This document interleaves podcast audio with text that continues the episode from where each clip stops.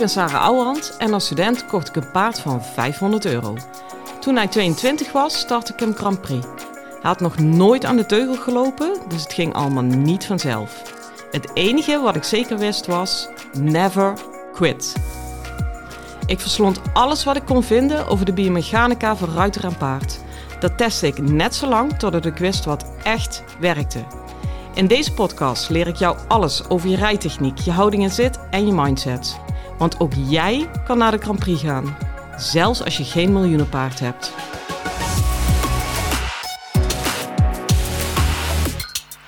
Hey lieve baanmensen.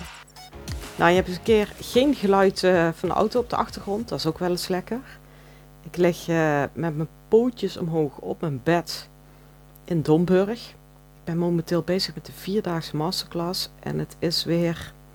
Ja, ik ga gewoon in de herhaling vallen, maar jongens, als je er nog nooit bij bent geweest, je mist echt wat. Het, het verrast mij iedere keer nog en daar ben ik echt ontzettend blij om. Het is zo'n compleet verhaal en zo'n complete beleving.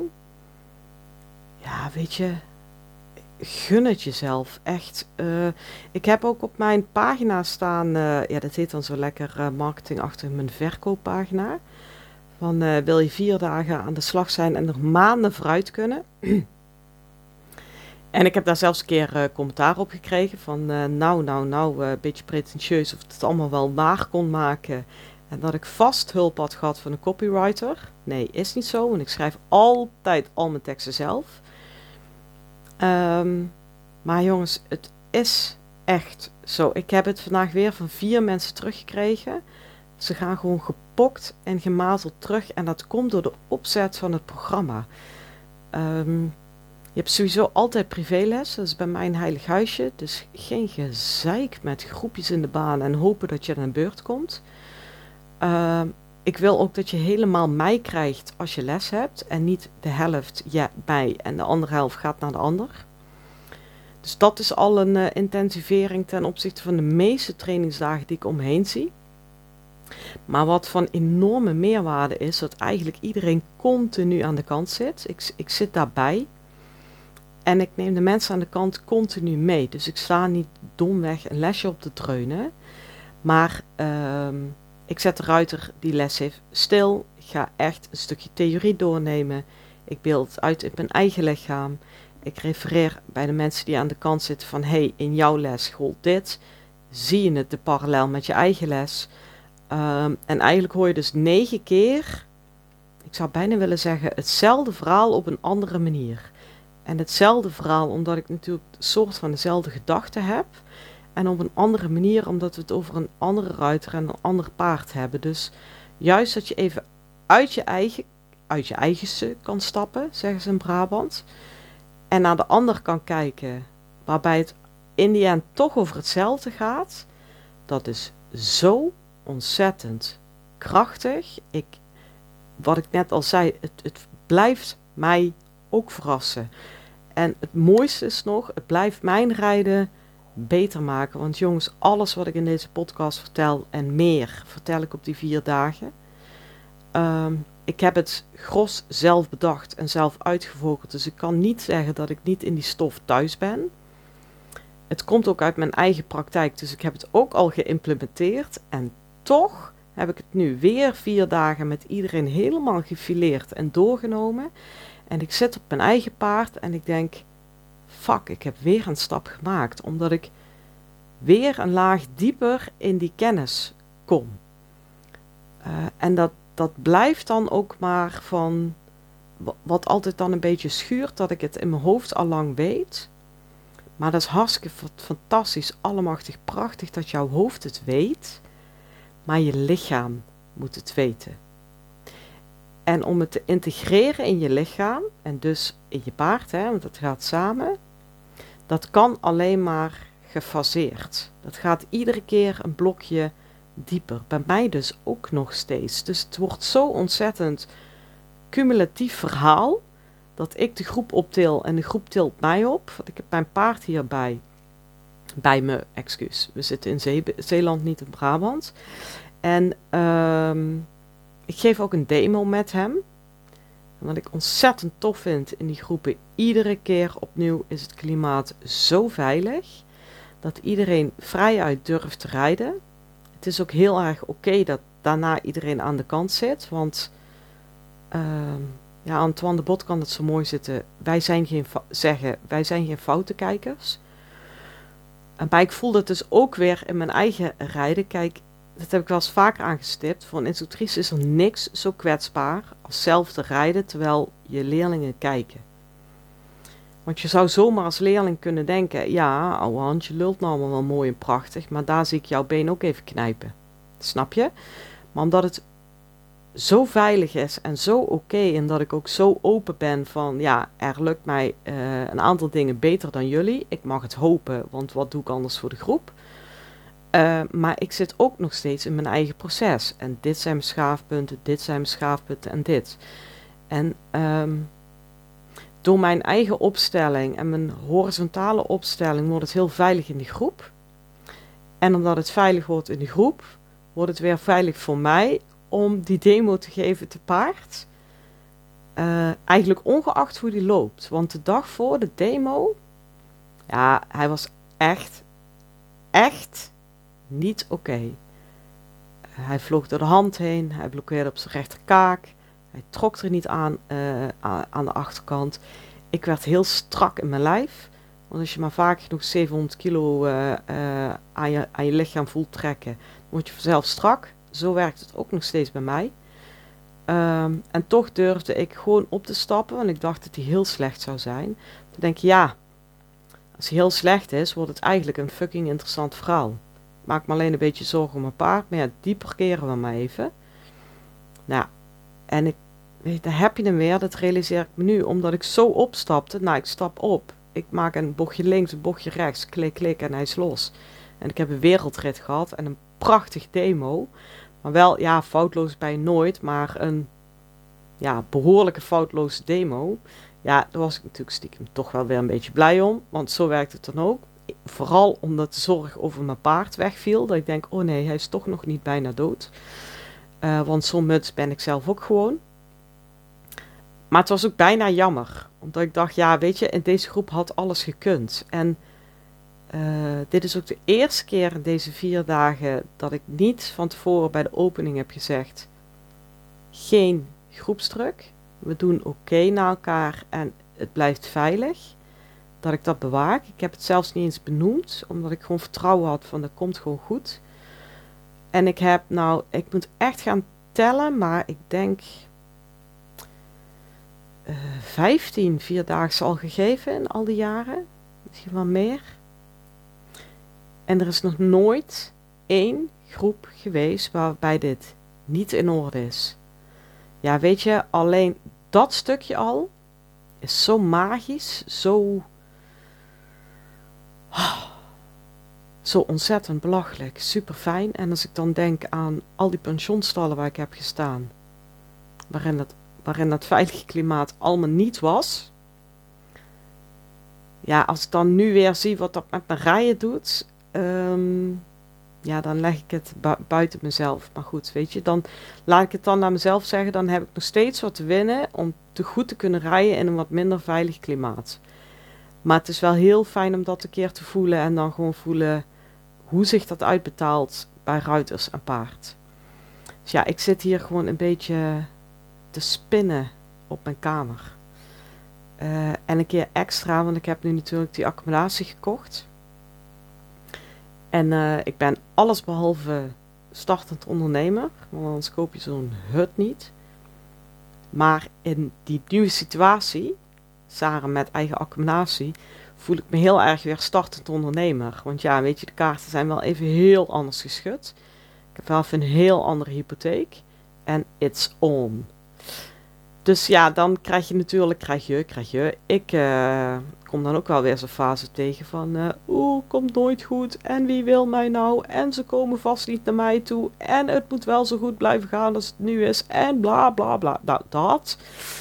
Um, dus dan zat ik heerlijk tot over mijn oren in toen ik hier naartoe reed. En ik kom in die groep. Ik sta daar niet boven, ik zit daarin. Terwijl ik toch de leiding heb.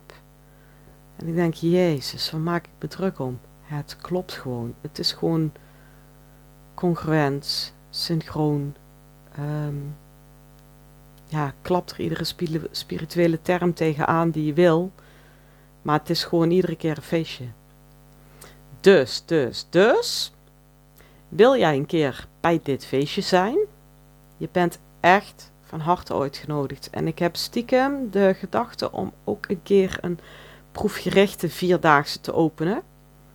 Want ik wil eigenlijk ehm, net soms, soms, soms, soms, misschien is het vloek in de kerk, wat meer accent gaan leggen op de sportruiters.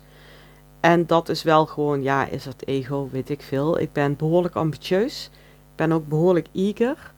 En ik hou wel van een flink potje presteren. En dat lijkt een beetje paradoxaal, omdat ik altijd heel erg op het uh, ja, loslaten zit, op het voelen zit. Zo moet ik het zeggen.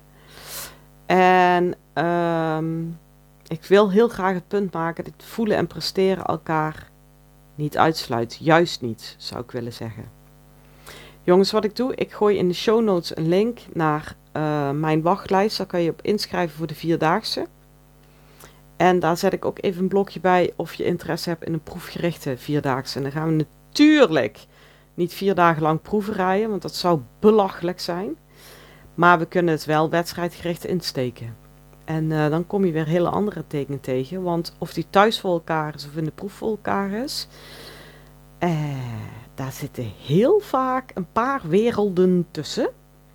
En het lijkt mij wel heel gaaf om die brug te kunnen slaan. Want dat is precies wat ik heb moeten doen om mee te kunnen komen in die subtop. Nou, ik kreeg na mijn demo met mijn eigen lieve, lieve, lieve, lieve paardje een hele interessante vraag. Want ik ben uh, recht, recht fetischist. Dat heb ik ook moeten zijn vanwege zijn ongelijke voeten. Dus kun je meteen de vraag stellen, ja, is hij dan wel ooit helemaal recht? Nou, ik teken voor 95% of 98% en daar ben ik nu wel. Uh, maar zij zei, ja Sarah, ik wil toch eens even vragen. Ik zie jou alleen maar kaarsrecht rijden. Echt kaarsrecht. Zelfs de hoeken zijn niet rond, maar een haakse zijn haaks.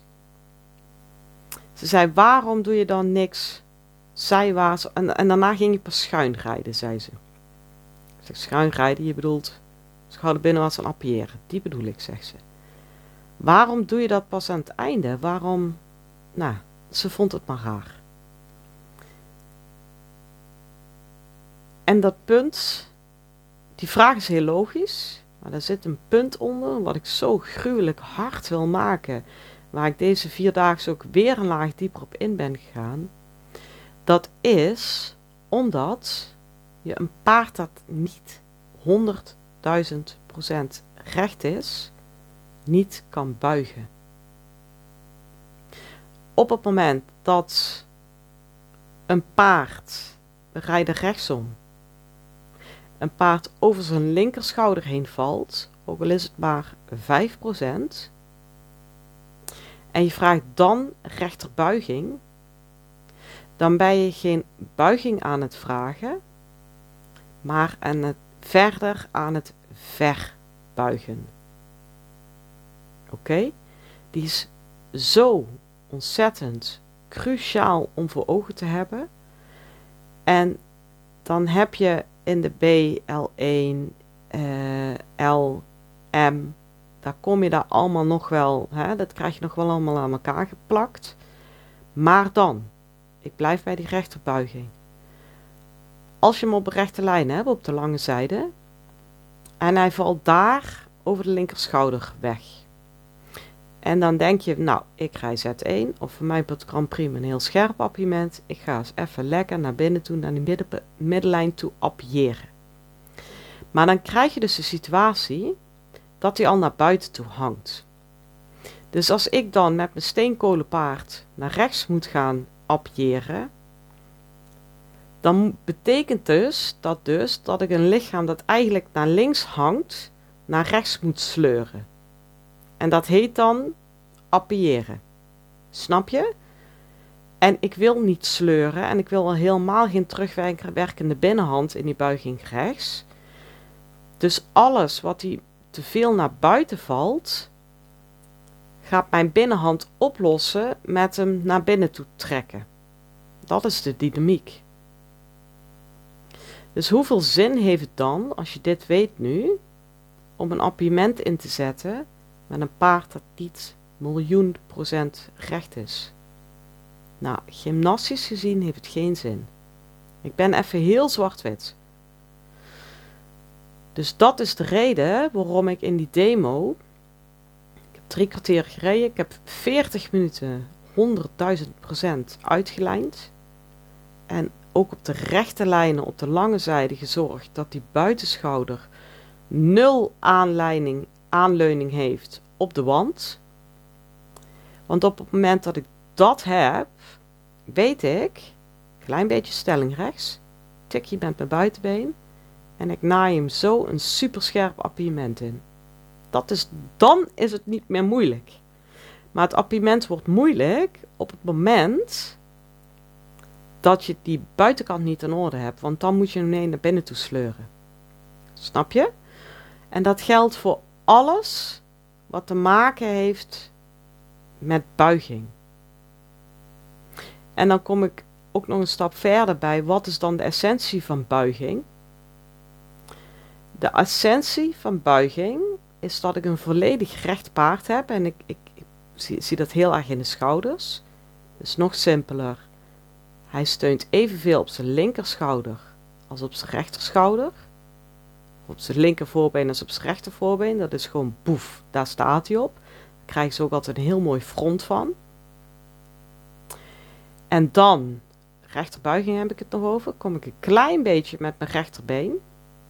Dan wil ik dat hij dan daarmee zacht wordt in zijn rechterribben. Of zijn rechterlies een beetje intrekt. Het is maar net hoe je het voelt. Maar nou komt hij. Zonder dat dat effect heeft op de verdeling van de schouders. Dus op de rechte lijn, waar ze perfect uitgelijnd uh, in gewicht precies verdeeld. Ik kom met mijn rechterbeen. Hij trekt zijn rechterlies een beetje in. Maar de verdeling op de voorschouders, op de voorbenen, verandert niet. Het blijft exact hetzelfde. En dan heb je werkelijke buiging en dan heb je de wereld. Want dan kun je nog steeds die schouders ge uh, gebruiken uh, om om een schouder binnenwaarts in te zetten of ongeacht welke wending te rijden dan ook. Terwijl die zacht is in die binnenribben. Maar wat gebeurt nou vaak? Zelfs als je eerst denkt, ik maak hem echt helemaal recht in de schouders, joepie joepie, dan ben jij echt al de koningin, neem dat van mij aan. En dan kom je daarna, denk je, oké, dus recht, recht, recht. Dus nu heb ik het over buigen en niet over verder verbuigen. Dus dan komen ze dan met hun rechterbeen en dan vertaalt dat paard ehm, het door toch weer iets op die buitenschouder te gaan hangen. Dus dan heeft de invloed van jouw rechterbeen een effect op de schouders in plaats van op de ribben. En daar zit de crux. Want daar gaat het dus vaak mis. De ellende is alleen dat als jij met je rechterbeen komt, en je paard vertaalt dat door die buitenschouder wat naar buiten toe te laten hangen. Dat voelt vaak als echt een goede rechterbuiging. Zeker als je ongeoefend bent en niet helemaal thuis bent en het recht, recht, recht richten. Dus dan denk je, ja, ja, ja, hij buigt. Het voelt, uh, het hoeft niet eens onprettig te voelen. Snap je? Even op voorwaarde dat hij niet helemaal door die buitenkant heen vliegt. Maar wat ik dan eigenlijk zeg is, hij buigt niet in zijn ribben. Hij trekt zijn binnenschouder naar achter. En dat voelt dan als buiging. Voel je het verschil? Nou, op het moment dat hij dat doet, maak hem acuut weer recht. Want het is gewoon valse buiging, gaan we niet doen. En het is echt wel high-tech om exact gelijke gewichtsverdeling in die voorbenen te houden. Terwijl er in die ribben, ribben, in die lendenen, in die lies, in de binnenachterbeen van alles gebeurt.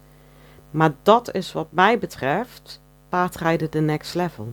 Echt de next level. Uh, en dat is ook monnikenwerk. Want dat betekent dus dat je best wel heel erg lang uh, heel recht bent en best redelijk hoekig in de hoeken en in de wending. Maar dat is dan maar zo. Snap je? En um, althans, als jij ambitie hebt voor het correcte werk en het hogere werk. Um, ja, ik denk dat dit punt luid en duidelijk gemaakt is, in theorie althans. Dit is nou een van de dingen die ik op die vier dagen. Kijk, weet je, dan brengt ze een blokje theorie als dit. En dan denk je, oh ja, oh ja, oh ja, volledig gelijk. Wow, mooi, prachtig. Maar dan, de praktijk. En dan ga ik precies dit theorieblokje met negen ruiters, met negen paarden, fileren tot op het bot. En dan ga je dus die discrepantie zien tussen, we weten het nu allemaal wel in ons hoofd, maar in ons lichaam is die kennis nog niet aanwezig en laat staan de snelheid en de handigheid. En dat ga ik dan helemaal integreren en dat, dat, daar blijf ik op doorzagen. En wat je dan heel leuk ziet is de eerste ruiter die als eerste rijdt, ja, die is altijd een klein beetje de sjaak. Want die heeft eigenlijk nog geen voorkennis opgedaan door naar de andere te kijken. Dus die is een beetje blanco, gewoon de lul. Terwijl de laatste, met zeker de laatste twee ruiters, en dat had ik bij ze allebei, misschien wel bij ze alle drie, die hadden alle lessen van tevoren al gekeken. En die neelden het behoorlijk goed in hun les. Dus dat ik op een gegeven moment ook zei, nou ik hoef niks meer te zeggen. En ik heb op mijn horloge gekeken, dat was bij alle drie de lessen, de laatste drie lessen, al na tien minuten. Dat ik dacht, hmm, geef ik dan zo goed les? Of, uh, nou, allebei een beetje. Maar wat bij hun vooral, zij hadden gewoon een enorme voorsprong omdat ze de rest al hadden zien rijden. De andere kant is ook waar, die eerste ruiter werd weliswaar in het diepe geflikkerd, maar kon daarna zijn eigen les, wat hij allemaal gevoeld had in zijn eigen lijf, perfect integreren door naar de andere te kijken. En dat bedoel ik met ik link die lessen aan elkaar. En of ik het nou heb over een correcte buiging met iemand die gaat nou de overstap naar de zet maken en we kijken inderdaad naar het appiëment. En het kan misschien betekenen dat we een hele les geen appiëment rijden, omdat de voorbereiding op het appiëment gewoon niet in orde is. Dus wil je sleuren of wil je een appiëment rijden? Als je wil sleuren, dan ga je gang. Wil je een appiëment rijden, dan moet het nu eerst recht. En is dat pas aan het einde voor je les voor elkaar, ja, dan tik je misschien nog één pas appiëment erin en dan, dan is het klaar, snap je? Of dat het is met iemand, met een, iemand heeft ook een jonkie bij zich en die kan nog niet heel veel. En die moet überhaupt uitgelijnd worden over de benen. Maar het is hetzelfde. Snap je? En dat is nou de kracht van vier dagen bezig zijn. En um, ja, ik ben nu natuurlijk ook van huis. Ik ben daar geen held in. Ik heb notabene in mijn vorige podcast gezworen geen hotelovernachtingen meer voor Sarah. Nou, here we are. Ik lig weer uh, in zo'n uh, heerlijk hotelbed. Dit is trouwens wel echt een goed bed. Maar dat terzijde. Um, maar ja, dat maakt ook dat mijn focus, ik, ik, dat ik echt in die groep terecht kom. En dat is wel, uh, ja, dat doet ook voor mij iets in die totaalbeleving. Kortom, denk nog even aan de link in de show notes. Um, en ik hoop echt van harte dat je iets hebt over deze tip van de buiging. Dat die dus 90% van de tijd niet over buigen gaat en dat de buiging een eindstation is van het rechtrichten. Als je die gaat zien en gaat integreren, dan weet ik zeker, dan krijg jij heel andere ritten. En dat is ook wat ik je gun. Uh, laat je indirect mee optillen via deze podcast. En ik wens je voor nu een hele fijne dag en veel plezier met je paard. Hoi!